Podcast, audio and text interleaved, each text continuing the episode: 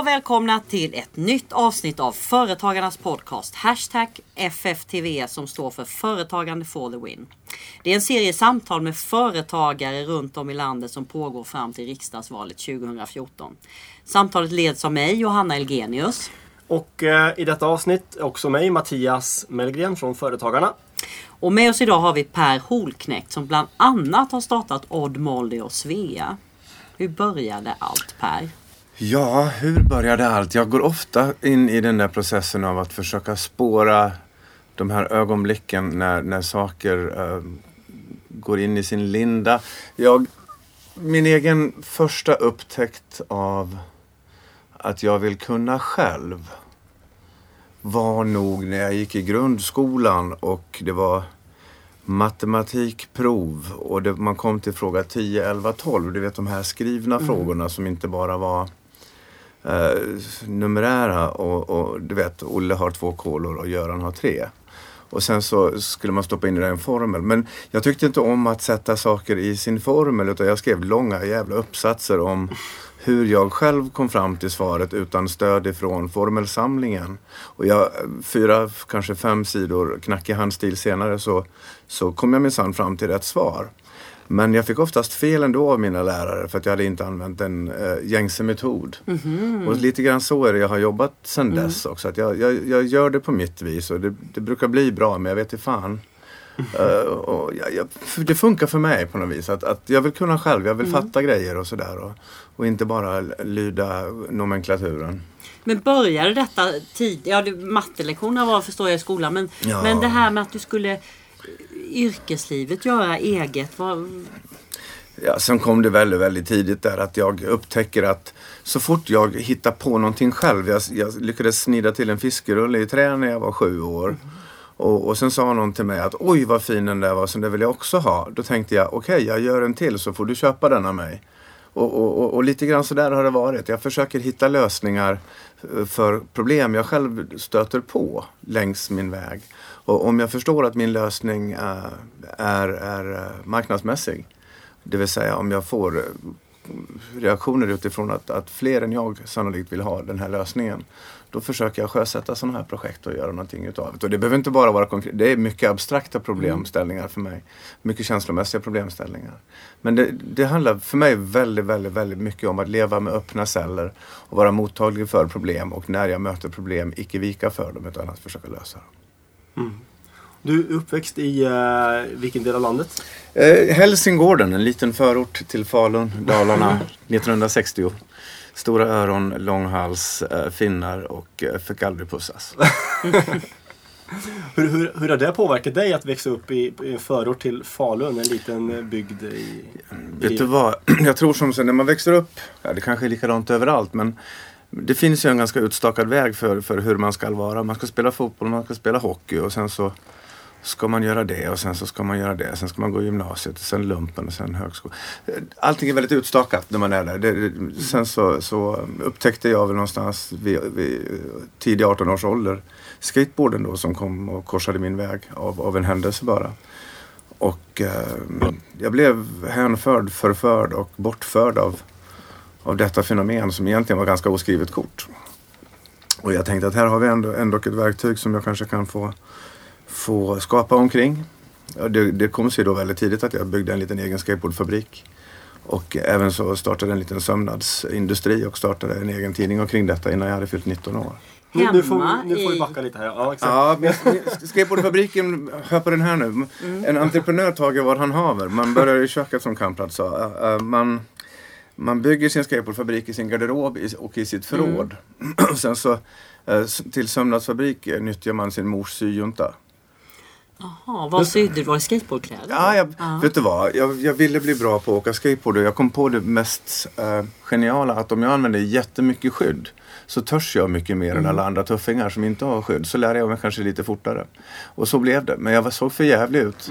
för det fanns inga skateboardskydd på den tiden. Jag hade hockeyskydd. Mm. Och uh, då i, i syfte att uh, dölja dessa fula hockeyskydd så bad jag min mor lära mig att, lära mig att sy. Så att jag kunde sy stora jävla brallor och gömma mina skydd i byxor som jag sedermera valde att kalla för baggy pants. Mm. Mm. Som blev ett fenomen som kanske fick leva längre bara genom mina eh, overlocksömmar. Var det många eh, i Falun som efterfrågade dessa baggy pants och skateboarden? Eller? Inte till en början, men jag, jag var ju tvungen att skapa efterfrågan. Det var därför jag också startade en egen tidning. För då står man ganska em- oemotsagd. Så att jag försökte ta kategoriskt grepp på min egen industri och utveckla den. Och var tidningen, kom den före eller efter fabriken? Eh, Den kom efter. Den kom av den enkla orsaken att det fanns bara Lyckoslanten och Stridsropet och Hemmets Journal att annonsera i och det var inte intressant för mig.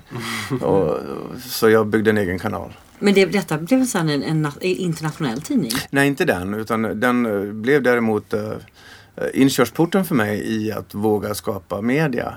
Och när jag fick frågan när jag var 23 år och bodde i USA av några sponsorer att starta en, en, en skateboardtidning eh, med frågan har du någon gång i ditt liv jobbat med tidningar så skulle vi vilja ha dig ombord. Så var det lätt för mig att tacka ja. För att jag hade gjort den här tidningen. Även om jag då gnuggade den för hand med gnuggbokstäver. Men berätta hur många läste din, för vad hette din första tidning? Den hette CP Skateboard News. Ja. För den var skapad av mig och min kompis Christer då Aha. som hade initialen C. Och jag, vad kan jag ha tryckt upp? Kanske 300? Som jag, som jag, eh, jag tog jobb på ett tryckeri för att eh, kunna trycka gratis. Sen så bar jag den där, de här lådorna till tåget, sm- smet in på tåget, gömde mig bakom bagageväskorna och, och reste runt på skateboardtävlingar och sålde den här tidningen. Och detta är slutet av 70-talet? Ja, det är precis så. 70 Var skateboarden i sin linda i Sverige då? Eller var det... Ja, det var det. Det, var, det var mm. ganska så, så oupptäckt. Jag, hade, jag, jag närde någon slags dröm som barn om att bli alkemist. Det här Mm. omöjliga ekvationen att, att tillverka guld. Och, och, nu gav jag upp den drömmen när jag var någonstans kring 21 eller 20, när, när 19 kanske. När en lärare sa till mig på kemitekniska linjen, han sa Per det kommer inte att gå.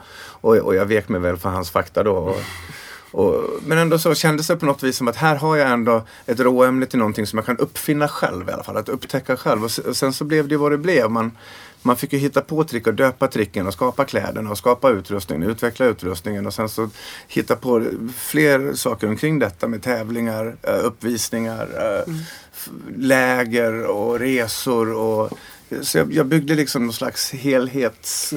Tralala. Men vad var det här första steget från att du faktiskt använde syjuntan och du använde ditt jobb på tryckeriet att trycka ut tidningen till att du sen, för du åkte till USA sen rätt så tidigt. Ja, jag hade ju fått uh, kon på vilka som var mina stora idoler i skateboardindustrin.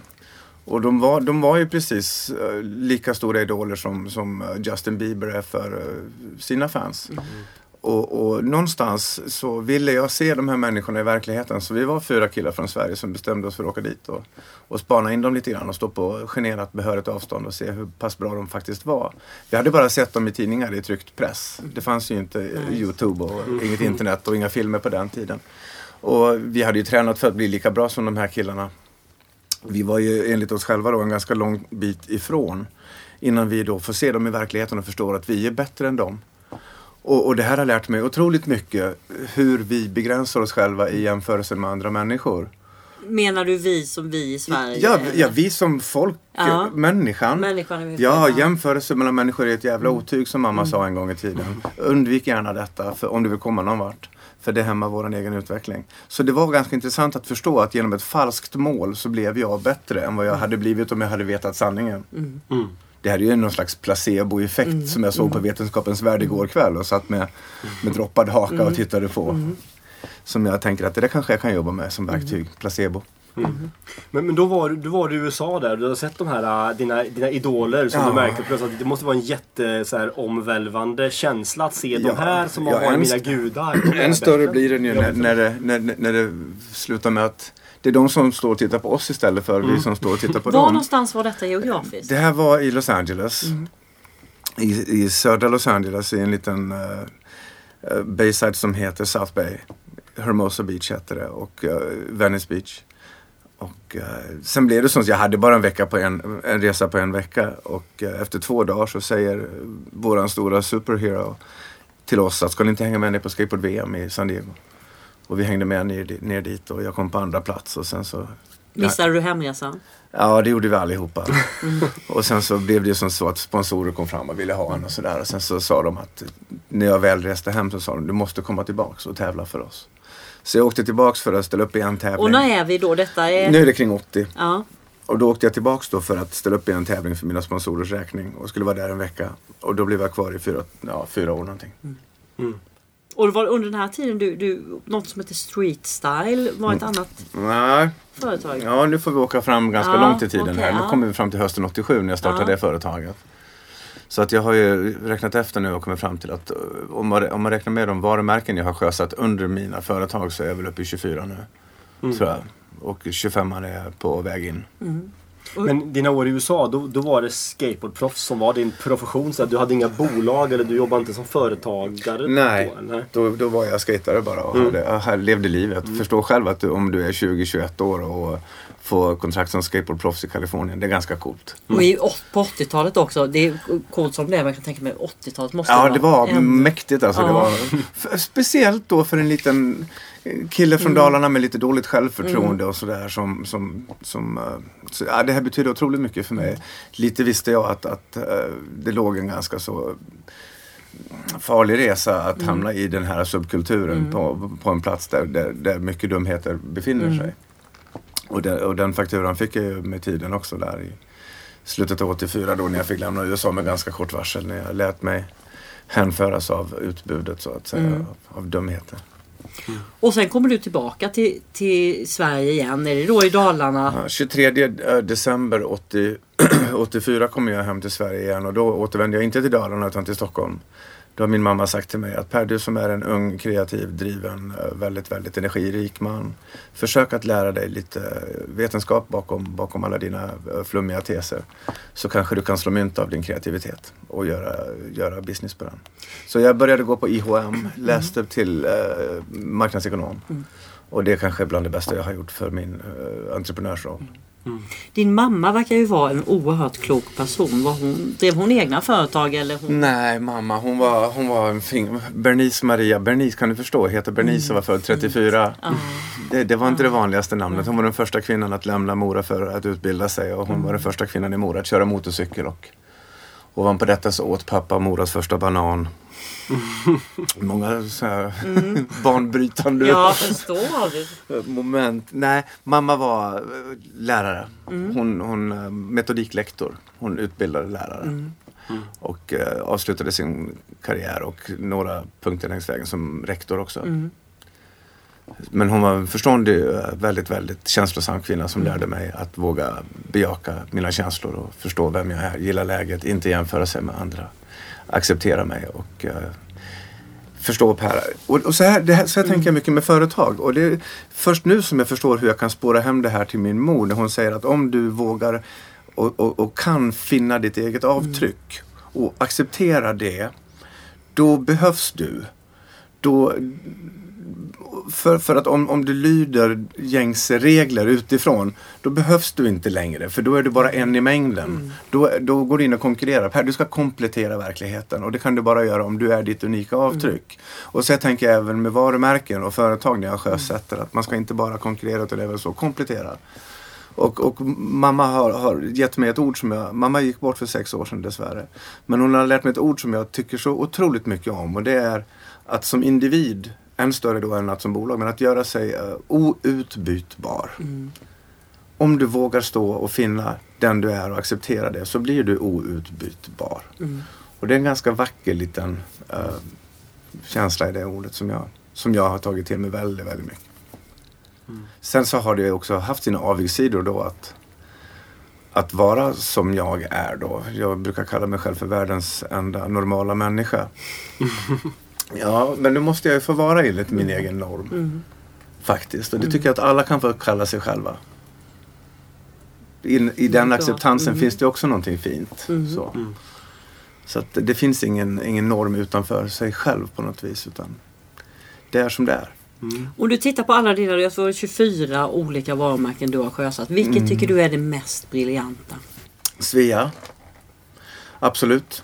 Berätta lite om det. Det är också här 80, 80 eller början Var, var det 90-talet. efter IOM då som Svea Ja. kom till? Ja, ja, ja efter... Jag, Alltså var det under IOM jag, tog, jag tog examen från IHM 1987 och startade ett skateboardföretag då som jag drev i 13 år. Ja. Som heter Street Style som du nämnde där. Men, men 1997, 10 år senare så så hade jag väl byggt mig ett, ett ganska gott renommé i skateboardindustrin. Den blev ganska omfattande även så i kronor och ören. Och framförallt av stor betydelse för killar främst i högstadiet runt om i Sverige och de hade en jättestor inverkan på hela sina miljöer. Uh, vad var frågan? Nu tappade jag spåret. Jag tänkte vart, vart vi var i, i, i Jo, eh, 90, tidslinjen. sen, sen 1997 då när jag hade byggt mig den här platsen i skateboardindustrin så kommer Sveriges då eh, största skateboardstjärnor. De ber att få träffa mig över en kopp kaffe. Andreas Engelkes och uh, Ricky Sandström. Och de säger till mig Per, vi har sponsorer som inte förstår skateboardåkaren. Kan inte du hjälpa oss två så att vi tre startar ett litet äventyr tillsammans? Och då, då tyckte jag det var en sån fin komplimang. Uh, och jag gjorde ingen, ingen större vetenskap av det annat än att jag litade på håren på mina armar som stod rakt upp. Och startade då Svea åt de här killarna. De hade ett annat namnförslag och en annan story men jag hjälpte dem att fila till den. Så startade jag Svea. Så sjösatte jag detta företag med nästan inga resurser och vi gick in i en jättehårt ansatt skateboardindustri av de stora starka amerikanska varumärkena som, hade, som ägde, ägde världen. Och, och här kommer vi att göra en liten svensk uppstickare och på sex månaders tid lyckas vi kampanja upp oss till att bli Sveriges mest sålda skateboardvarumärke. Och det är jag jätte, jättestolt över. Och vi gjorde det inte genom att säga att vi är bättre utan att säga att vi är lite eh, sämre. Och vet du vad? För jag tror att jag har kommit till en, till en plats nu i, i, i, i, vardagen att alla människor tävlar om att bli bäst, snyggast, vackrast, intelligentast, mest intellektuell, mest påläst, mest kulturell, har mest pengar, störst läppar och allting handlar om en tävling uppåt. Och, och, och, och det är ganska trångt och ju längre upp på berget du kommer ju mindre yta har ni att klättra på. För det, och, och, och, och då tar jag hellre den här andra vägen där det är lite ledigt. Så att i, i Sveas fall så vill jag bara göra ett varumärke som signalerade välmående människor som ett, gäng killar som rycker på axlarna åt allt, åt all hets. Och, och, och istället söker lyckan där den finns. För att när livet landar i, i sig självt så handlar ju allting om att få vara lycklig. Och inte vara framgångsrik. Så. så att vi ville bara projicera den här lyckan och det gjorde vi på ett sätt som, som, som Bland annat så fick, fick man ju sitta i Globen och vara nominerad till Guldägget för den här lilla just det. kampanjen. Ja. Som vi inte hade råd att göra annat än att jag var, jag var tvungen att skriva krönikor i någon tidning för att få råd att annonsera. Hur, var- hur var kampanjen då? Hur, hur, hur gjorde ni för att lyckas på sex månader och bygga upp det här? Ja, Vad var nyckeln? Om du tar Sveriges två superstars på, på, inom skateboarding så, så kan man ju då tänka sig att det är lätt att, att, att projicera ut de här som superstjärnor och att de är bäst och snyggast och de är bla bla bla. Vi gjorde helt tvärtom. Vi satte liksom svenska mästaren Andreas eh, vid en busskur mitt i natten helt ensam och övergiven. Och han var lite ensam. Och så står det så här, det är ensam på toppen. Liksom. Det är så här, det, Eh, jag och-. Mm. och jag tycker det här blir lite sådär. Och, och, och, och, och, och sen så satte vi dem liksom i en bingohall. De satt och spelade bingo och de hade vunnit några paket Gevalia. Liksom. Det, det var bara lite härligt. Liksom. Det var så anspråkslöst och, och det finns någonting oantastligt i det här. Men slår du dig för bröstet och säger att jag är snygg och fantastisk. Det är rätt så lätt att, att känna att det är antastligt. Så att, att bara så här, släppa taget lite grann. Och, och det där gick ju hem i stugorna. Och det här är någonting som jag tycker är viktigt eh, rent politiskt. Jag önskar att människan kunde vara mer så här att förstå, att söka rätt, rätt eh, ja, lycka då. Om du skulle ge det rådet till någon som sitter och skulle vilja bli sin egen, vad skulle det vara? Vad är det viktigaste, tror du, som gör att du har lyckats? Det viktigaste är nog att eh, för att använda en kliché, control alt delita sig själv. Att rensa sig själv från, från, alla vanföreställningar och fördomar och eh, snitslade banor. Och tänka rent och sen öppna sina celler och vara mottaglig för överraskningar och lösningar och problem. Men, men någonstans parallellt med detta sätta sig i skolbänken. Och lära sig eh, kredit och debet. Och lageromsättningshastighet och kottler. Och sen så i slutändan så måste man förstå att allting handlar om en tävling. Mm. Du måste förstå att eh, de andra vill slå dig på käften. Men samtidigt ska man inte jämföra sig så mycket med de andra. Nej, och, här har vi ju då ett, ett bekymmer. Men du kan också tävla genom att göra dig själv bättre, inte genom att göra andra sämre. det här är också två olika förhållningssätt i, i verkligheten och i människor emellan. Vi människor sågar ju gärna huvudet av andra för att bli längre själva. Och eh, så funkar det dessvärre inte. Du är en tävlingsmänniska. Ja, jag tycker om att tävla. Jag tycker framförallt om att eh, känna att jag är duktig. Och det känner jag oftast om det har gått bra. Och det vet jag bäst om det är mätbart. Så, men det här ligger ju jättemycket i min karriär har jag att tacka mitt dåliga självförtroende för. Dessvärre. Eller dessbättre. För jag har hela tiden i mitt liv fått överbevisa mig själv för att känna att jag, ska, att jag duger. Känner du det fortfarande? Och varje dag. Jag, jag blir ju, du ser att jag håller på att Ja. lipa bara jag tänker på det. Jobbigt. Men, men, men samtidigt så, jag vet inte. Eh, just nu så, så går jag ju in i en, en, en tid av mitt liv där jag håller på att revidera mig själv lite grann. När jag försöker att, att stilla mig. Mm. Och, och det gör jag ju bäst genom att försöka lära känna mig själv lite bättre och, och lära och förstå att nu, nu, nu hamnar vi utanför ämnet här men att jag tror att jag finner min livsharmoni om jag lär mig älska mig själv genom mig själv och inte genom andra. Mm. Så där är jag lite grann och jobbar just nu och då tror jag också att jag kan bli en tryggare människa i olika sammanhang som i företagande. till exempel. Och eh, efter, om vi går tillbaka till, till Svea och företagarbanan där, vad, vad hände sen då? Du, du drev det här ett antal år och... Ja, sen är det ingen hemlighet att jag har druckit för mycket alkohol i mitt liv. Vilket också började väldigt tidigt, vi ska inte prata för mycket om det. Började väldigt tidigt även så där med dåligt självförtroende, 14 år. Alla andra killar fick hångla, inte jag. Jag drack några glas, blev lite snyggare, vågade lite mer, fick hångla. Det löste hela min ekvation. Och sen så med tiden så blev det ett partyverktyg, jag hade skitroligt. Och sen så ännu längre fram i tiden så blev det ett känsloreglerande verktyg. Eh, när jag var ledsen så, så kunde jag ta till ett glas och när jag blev eh, extra glad tog jag till ett glas. Till slut så festade jag när Bayern vann och när Bayern förlorade. Och eh, sen så gick det överstyr. Och eh, fakturan kom någonstans kring 99. När eh, allting bara kraschade. Det hann ifatt mig. Så att jag har skördat enorma framgångar på, fram, på, på ytan av mitt liv. Men jag har gjort det också på bekostnad av att vårda mitt inre väsen. Så. Mm. Och det är oftast någonting som företagarna gör för man uppoffrar väldigt mycket sig själv för att man ska lyckas. Och det här är ganska så vanskligt recept.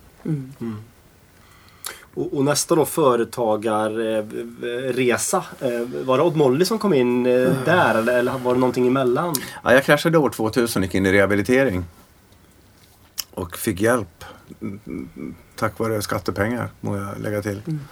Um, och sen så tog jag ett jobb som copywriter på en byrå i Stockholm. Och eh, den byrån visste väl att jag hade jobbat med kläder i olika former i 25 år. Och, och man bad om min hjälp med ett textilprojekt. Som jag tackade ja till. Men jag kan inte illustrera eller teckna vilket är märkligt för en man som, som har designer på sitt visitkort. Men jag kan designa fantastiskt i mitt huvud och sen behöver jag en tolk för att få ner det i papper. Och jag bad om, om, om budget till att få kalla in en illustratör eller en designer som kunde skissa ner mina idéer. Och så kallade jag då in denna kvinna som heter Karin Jimfeldt Gatan, må jag lägga till. En fantastisk, fantastisk kvinna. Som, som ska tolka mina idéer och rita ner dem. Hur går det, måste jag fråga, hur går det? Du berättar om hur du tänker och så ritar Karin ner. Ja, ja, jag berättar att jag, jag, jag ser en, en, en kvinna eller en man som är av den här karaktären som längtar efter det här. Och, Så det är nästan en hel storytelling runt, alltså en berättelse kring. ja. Så att jag, målar. Om, om, om vi tänker oss att man går in på ett galleri och så berättar konstnären om bilden han har målat. Jag gör samma sak fast jag har inte målat bilden. Den bilden ska målas på det jag berättar. Så att det går i, i reverserad ordning.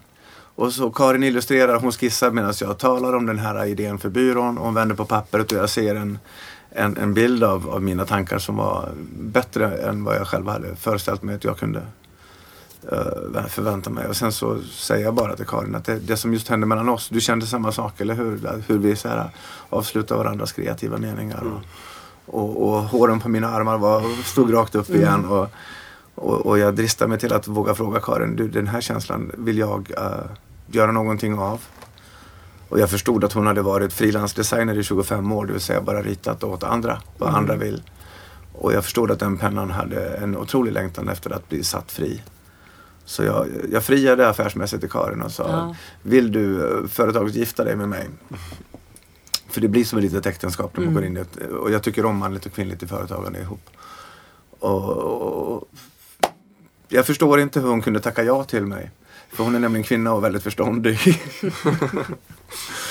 men men jag, jag, jag antar att hon, hon kände tilltro. Och jag, jag, jag, jag bygger ju väldigt mycket på tilltro.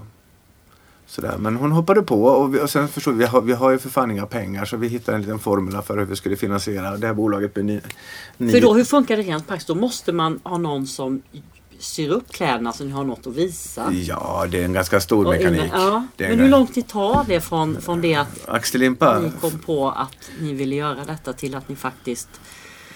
f- från första, i modeindustrin, enligt min formel, från första tankefrö av en designidé tills dess att första fakturan är betald i kundled, 15 månader ungefär. Om man raskar på lite grann. Då ska den tiden finansieras för det är då första kronan kommer hem igen. Så vi fick hitta en liten, en liten eh, lösning på det också. Men, men det, det visade sig att, att eh, min idé för den, jag, jag, jag, jag bar på en, en företagsidé för ett varumärke i modeindustrin som skulle komma in och komplettera. Eh, Modeindustrin signalerar väldigt mycket kyla och avund och otillräcklighet och jämförelser. Och jag ville bara komma in med ett ganska tillåtande, ganska varmt, eh, välmenande, jag ser dig varumärke. Och eh, det fanns plats. Det var ledigt. Karins penna fick springa fritt. Och de här två hade väldigt roligt tillsammans. Och jag tror att eh, i våran skaparglädje, jag tror att den var så genuin och, och så, så fri från girighet. Den var så innerlig att den, den kändes ända ut i, till konsument. Och, och det här fungerade ju väldigt bra. Det här lilla bolaget som börjades på nästan inga pengar var ju värt fem år senare 1,2 miljarder kronor. Så att det, det hände väldigt, väldigt, nu tittar jag väldigt mycket på dig, det var för att du Jaha, ställde frågan. ja. Så, ja, ja, men så att jag, jag är otroligt stolt över den men jag tycker att Svea, Svea-idén var mer genialisk. Har du, har du lämnat eh, Odd Molly? Eh, Nej absolut Du- inte. du- du nej, nej. där. Du- ja, jag sitter här med dåligt samvete för att jag inte är där just nu. så att jag, Och, och din roll idag där, vad, vad, gör du då? Ja, Jag har gått ner på heltid som jag brukar säga. Jag, jag är kreativ chef. Jag eh, formulerar våra budskap, jag kommunicerar våra budskap och ser till att det blir tolkat rätt. Och det, är väl mitt, eh, det är väl mitt jobb. Och, och, Och ge- har funnits dryga tio år Odd Molly. Elva och ett halvt. Ja. Ja. Och, eh, men när, när, när kände ni, utöver att ni kände att ni gjorde något väldigt bra, när Ja. kände du att men det här kommer bli, alltså på vägen till att det var värderat efter Ja. fem år, vad, när kände ni att oj, det här kommer gå kommersiellt också? Jag, jag jobbade ju under den hypotesen hela tiden Ja. förstås. Ja, det måste jag göra. För mig är någonting framgångsrikt när, när det tjänar pengar och det gör det först när väldigt många tycker om det. Så jag var tvungen att göra någonting som många skulle tycka om. Och den bekräftelsen får jag när jag får en order till så att säga. När någon har köpt en sak och kommer igen. Och jag kommer ihåg när jag och Karin hade jobbat väldigt, väldigt länge. Första leveranserna, det är en lång story dit som jag tar nästa gång vi pratar. Men första leveranserna skulle ut i butik och vi hade inte riktigt pengar till porto. Så vi satte oss i Karins gamla Toyota med en, med en skruvmejsel i radion. Och, och, ja, men det, det är fantastiskt. Jag älskar den här tiden. Den är så viktig för mig. Och, och vi kör ut en låda kläder till en butik på Hornsgatan som heter ETC. och sen så ska vi köra ut till Lidingö till en butik som heter Jordgubben, adress nummer två. Och eh, på vägen till butik Jordgubben så ringer telefonen och då är det då eh, Claes Lindmark från butik ETC som ringer och säger att han vill ha mer. Och vi har bara kört 20 minuter från hans butik. Han sa det säljer ur kartongerna. Då, då tittade vi på varandra och sa vi fan vi är där. Det här kommer att gå.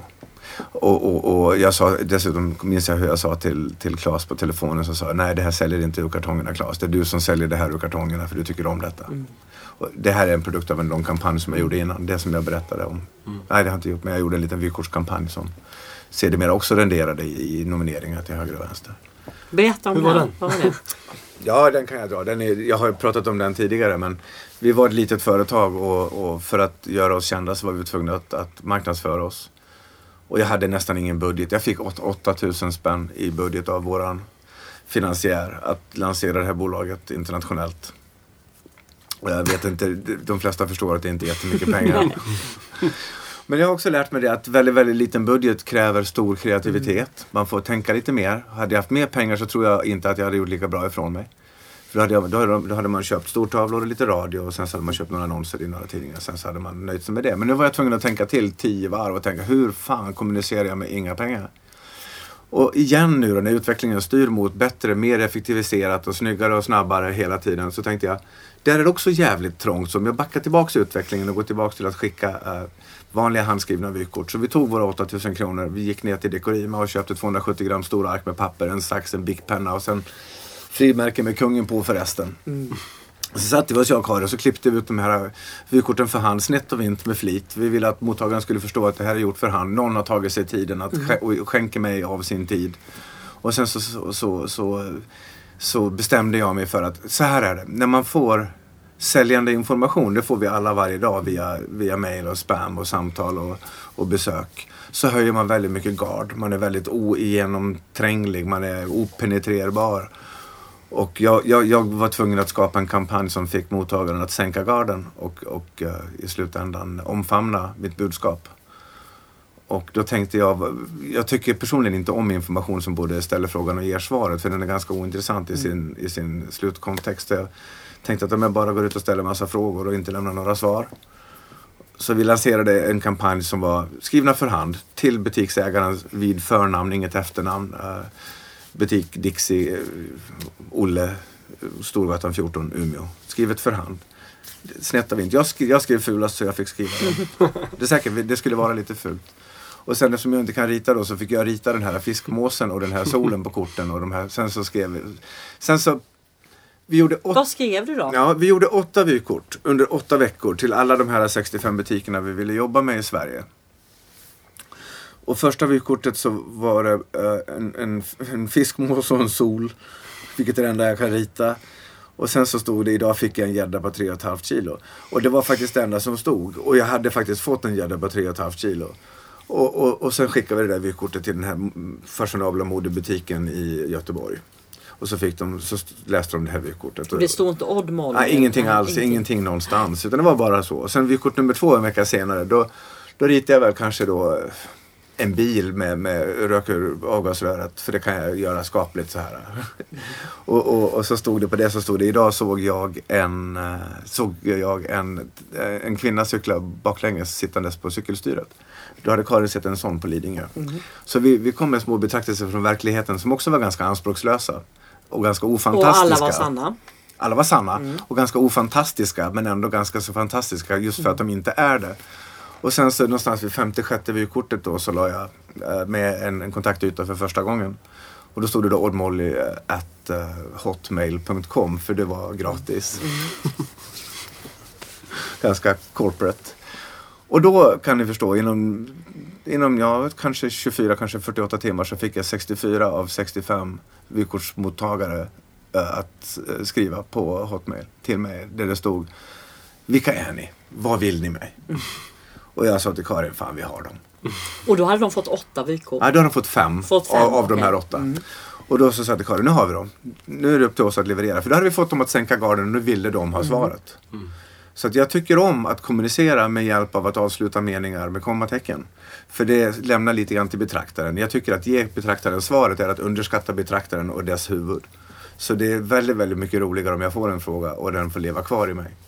För då får vi ett samtal, jag och avsändaren. Och sen så då var det bara öppet att gå ut och leverera och motsvara de högt ställda förväntningarna med lite mer än så. Fan vad jag pratar. Det är meningen. Det är intressant. Det är- Ja, jag har en känsla av att vi inte har mycket tid. Det är därför jag pratar så fort. Vi, tar den tid vi vill. Ja, ja men ungefär så kan vi sammanfatta det. Ja. Ja. Och sen så gick vi ut och, och levererade. Och, och det gick ju precis som vi hade trott. Men man vet ju aldrig. Det är alltid jävligt förenat med obehag. Men man måste också gå igång på obehaget. Och martyrskapet i uppoffringen i arbetstimmarna utan lön. Jag jobbade i ett och ett halvt år, 450 timmar kanske per månad. Utan en krona i ersättning för någonting som alla sa det kommer aldrig gå. Eh, och på något vis så krävs det ju en viss gen eller något för att göra det. Men jag har ju alltid en alternativ lösning för min finansiella situation. Jag, jag, jag, jag, jag lägger ju inte hela mitt liv i en pott utan liksom jag, jag jobbar extra som flyttkarl om det krävs för att jag ska kunna betala mina räkningar under tiden jag är på laboratoriet med mina idéer. Så. Men hur är det? Jag förstår den här första fasen måste vara väldigt spännande. Men är det lika roligt nu? Ser du samma utmaningar? Nej. Nej. Nej, men det är ju det är klart, det, det kommer nya utmaningar gör det alltid. Men det är inte samma utmaningar, det är orimligt. Men det kommer nya, annorlunda utmaningar. Alla företag i stark tillväxt kommer att möta Eh, uh, retardation. Så är det bara. Man, man accelererar och the harder they come, the harder they fall. Kurvan viker. Och sen så om vi tänker oss, nu, nu kan inte jag sitta och illustrera här med papper och penna i, i en podcast. Men det, det växer, det växer, det växer. Sen avtar det, avtar det. Sen så har vi toppen på kullen. Sen så viker det lite grann. Och där är det upp till man och mod och morskemän att kliva in och ha, och ha ett förhållningssätt som gör att man bryter den här trenden innan man kommer ner till lönsamhetslinjen. För det är den kritiska nivån. Och där måste du under tiden ha byggt kassa för att skapa dig en osårbarhet. Så i acceleration, i stark tillväxt, se för fan till att ha en monetär mekanik som gör att du genererar kassa. För det är din, din, din försäkring för den stund då allting viker, för det gör det. Och vart är Molly idag? Har hon kommit över den här... äh, Ja, nu, nu, har Nu- hon, nu har hon hejdats i godan tid. Om än med precis näsan vid ytan. Så bolaget har god kassa, vi är i tillväxt igen och vi har uh, otroligt stora, fina, vackra lärdomar. Och det känns spännande. Och det, men det är nya utmaningar. Det är, det är annorlunda att vara ett börsnoterat bolag. Från att vara ett bolag eh, drivet av eh, två idioter. Hur kom du och ni på namnet? Namnet har sin härkomst i en sann situation från min tid i Kalifornien. Och det var egentligen det som på något vis ha, hade ruvat i mig som en affärsidé. Men, men eh, och det var så här, men och när vi var då en, en klan av säg 10, 15, 20 skatare som var världselit och vi, vi var i Kalifornien. Och vi drog runt på tävlingar, turnéer och hotell och det var fester och det var, det var ett jävligt gasat och spännande och kul liv. Och det är klart att vi hade en massa followers som ville hänga med oss och det var jättemånga tjejer också. Och, och, och i den här stora gruppen av brudar som alltid var på tävlingarna och vi hade skitroligt ihop. Så var det lite grann som i Tjuren Ferdinand att alla tjejerna hoppade och stångades för att liksom vinna vår gunst och uppmärksamhet. Och ibland, ibland alla dessa töser så fanns det då en brud som de facto inte gjorde ett jävla jota för att imponera på oss herrar. Utan hon, hon hade inga så här trendrätta kläder. Hon hade inte de tuffaste trycken på t-shirt. Hon var lite röd, lätt i håret, hon var fräknig och hon var charmig och rar. Och hon hade förstått det min mamma försökte lära mig, att finna sitt eget avtryck.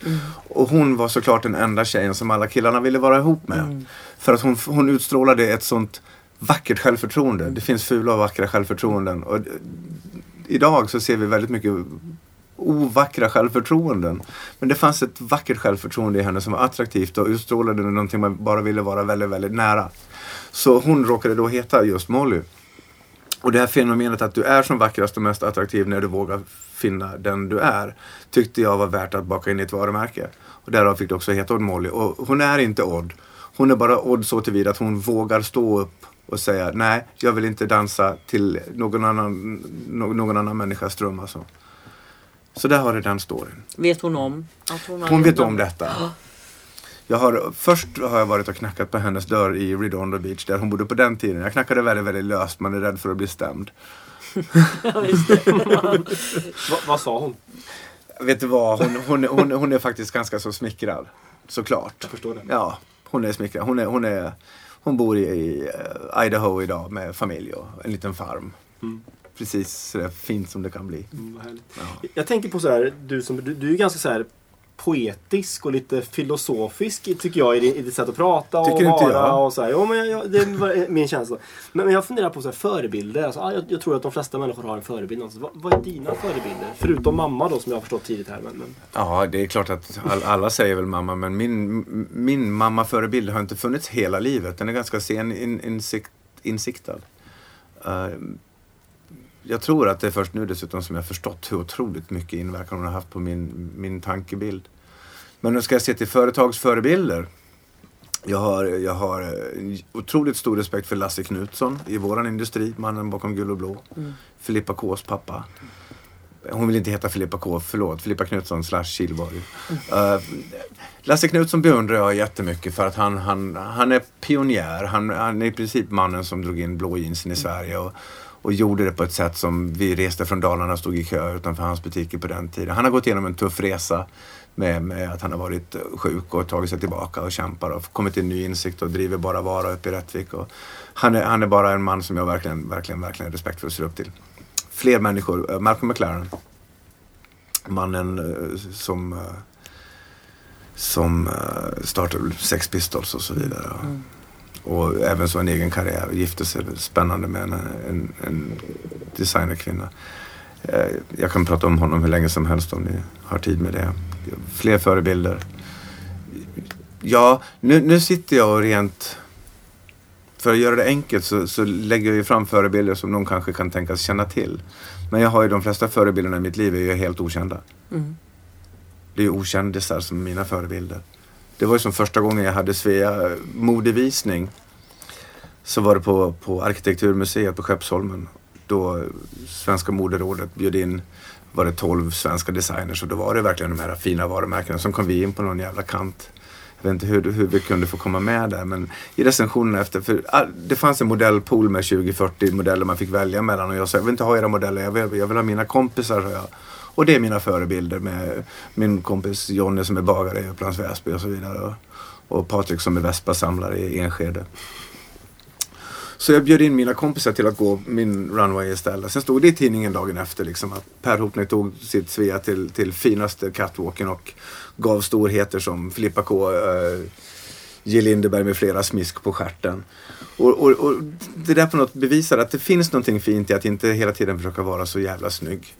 Utan vara lite ärlig och lite näck och lite liten och lite whatever. Så. Men du har ju inte stannat där vid Odd Molly. Du har ju Miss World. Ja, den, den är ett äventyr för sig. Det, Ja. det, den är egentligen ett magasin ämnat för att föra samma budskap vidare. Men den kom till av ganska, jag föreläser ganska mycket. Och den här gången så var jag på Peace and Love i Borlänge och föreläste på festivalen. Och eh, precis när jag var klar med mitt föredrag så kommer festivalens ägare och grundare Jesper Hed fram till mig.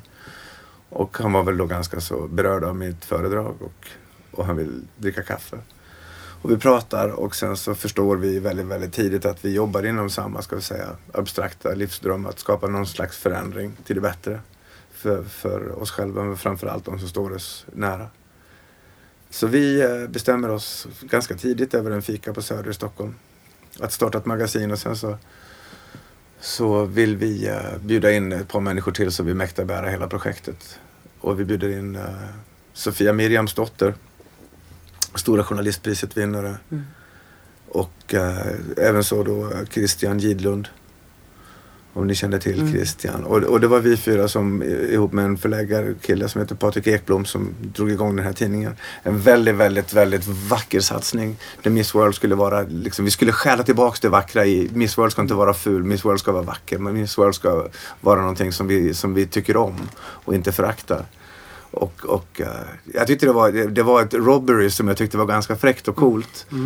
Och dessvärre då så stötte vi på ganska omfattande patrull. Tidningen gick rakt upp på Pressbyråns topp 10-lista och sålde som smör, gick skitbra. Men vi som hade grundat eh, tidningen fick eh, problem.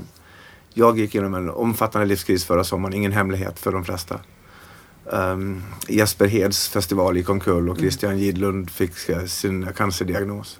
Så det var svårt för oss att bära det här projektet vidare. Drömmen lever kvar, registreringen ligger kvar i mitt namn och jag blir inte förvånad om hon återuppstår så småningom. Hur många nummer fick ni ut? Två. Mm. Och sådär. Så det var en tidning som, som jag är jättestolt över och jag tror att det fanns plats för den. Men den föll på, på eh, omvärldsomständigheter som inte rådde på riktigt. Om du ser framåt, vad, vad, vad tror du, vad blir ditt nästa projekt? Det kan jag tala om för dig att det tänker jag inte säga. Nej, Men det, det kan jag också säga att det, det, det är på men gång. det blir, ja. Ja, det är på gång. Det, det, det, det, det sker möten i bilar. På hemliga platser. Där ingen Bara kan håll, se. håll Så håll utkik där utkik. ute. Ja. Sen är det så här att jag har ju liksom Jag har ju förstått att min stora flaskhals tidsbegränsad. Mm. Och eh, jag får ju oftast då när jag får goda idéer, så nu har jag en väldigt bra idé. Mm. Som jag har då kallat in en, en stab av människor som jag drömmer om att kunna jobba med i den här nya idén. Och alla de har tackat ja. Och det är människor som redan är yrkesverksamma i framgångsrika positioner. Så, att, så att det ska bli spännande att se hur vi kan driva den här in på banan utan att uh, tära för mycket på våra befintliga uh, liv. Så. Men den tror jag kommer nog att presenteras kring juni Mm. Annan bransch? 14. Så jag kan inte säga. Nej. Vi ska inte plåga dig mer med de Nej, frågorna. vet du vad? Jag, jag, jag vill ingenting heller än att berätta för dig. För så, för så roligt är det. Du kan berätta, vi säger det inte till någon. Eller? Nej, men när det, någonting är kul så vill man ju berätta det. Så. Om du skulle syssla med något helt annat brukar vi alltid fråga Mm. våra intervjupersoner. Om, om du skulle göra något helt annat som Ja. du inte... Vad, vad tror du du skulle göra då? Ja, nu kan vi ju tänka då som företagaren Per. Eller som, Ja, företagaren eller som, indi- Per eller som individen Per. Jag när också en dröm om att skriva poesi. Alltså, Det jag, är också egen företagare. Ja, jag vet. Det, det är kärvt och jag tror att man är lite lyckligare fast man har mycket mindre pengar. fast jag tror man är lite lyckligare. Men jag, jag tror att jag skulle finnas någonstans nära pennan och pappret, det tror jag. Det tror jag. Men Men, fortfarande skapandet som är... eh, ja, men samtidigt så jag, vill, jag skulle vilja bli... Jag skulle vilja coacha och knuffa människor rätt. Och sådär, företagare i, i, i, i, det här skedet. Liksom. Det- Jag vet att de sannolikt går där som inte är rätt. Så jag skulle på något vis konsulta för småföretagare och och knuffa dem åt rätt håll. För att jag har gjort så många resor, jag har så många ärr på mina knän. Jag vill låt mina knän då betala för dem så att säga. Det skulle jag vilja göra. Eller ta upp det på ännu större nivå. Jag har till och med i min sömn föreställt mig att gå in i politiken. Att, att, skapa, att skapa ett parti som inte konkurrerar utan som kompletterar. Som faktiskt eh, glömmer bort det vi, eller som, som, som tar till fasta på saker vi har glömt. Det som är viktigt på riktigt. Vad står det på den valaffischen? Det står mer att dela på. Mer som om vi stöttar grabbarna och tanterna i anfallslinjen så får vi mer att dela på. Det är väldigt blått och det är väldigt rött. Mer blått, dela på rött. Fantastisk liten paroll. Per Skulle du rösta på mer att dela Ja, på? det är inte det. Det låter bra i alla fall Ja. tycker jag. Tack så jättemycket Per Ja. för det här samtalet. Vi hade nog kunnat fortsätta en timme till. Om Ja. minst. Det var Ja. jättespännande att lyssna på det. Vi tackar för det Tack den här mycket. gången. Och lycka till framöver. Ja hörni, tack så Vi får vänta till jättemycket. juni. Hoppas jag inte pratar för mycket. Absolut inte. Tack. Tack så mycket. Hej. Ja, hej.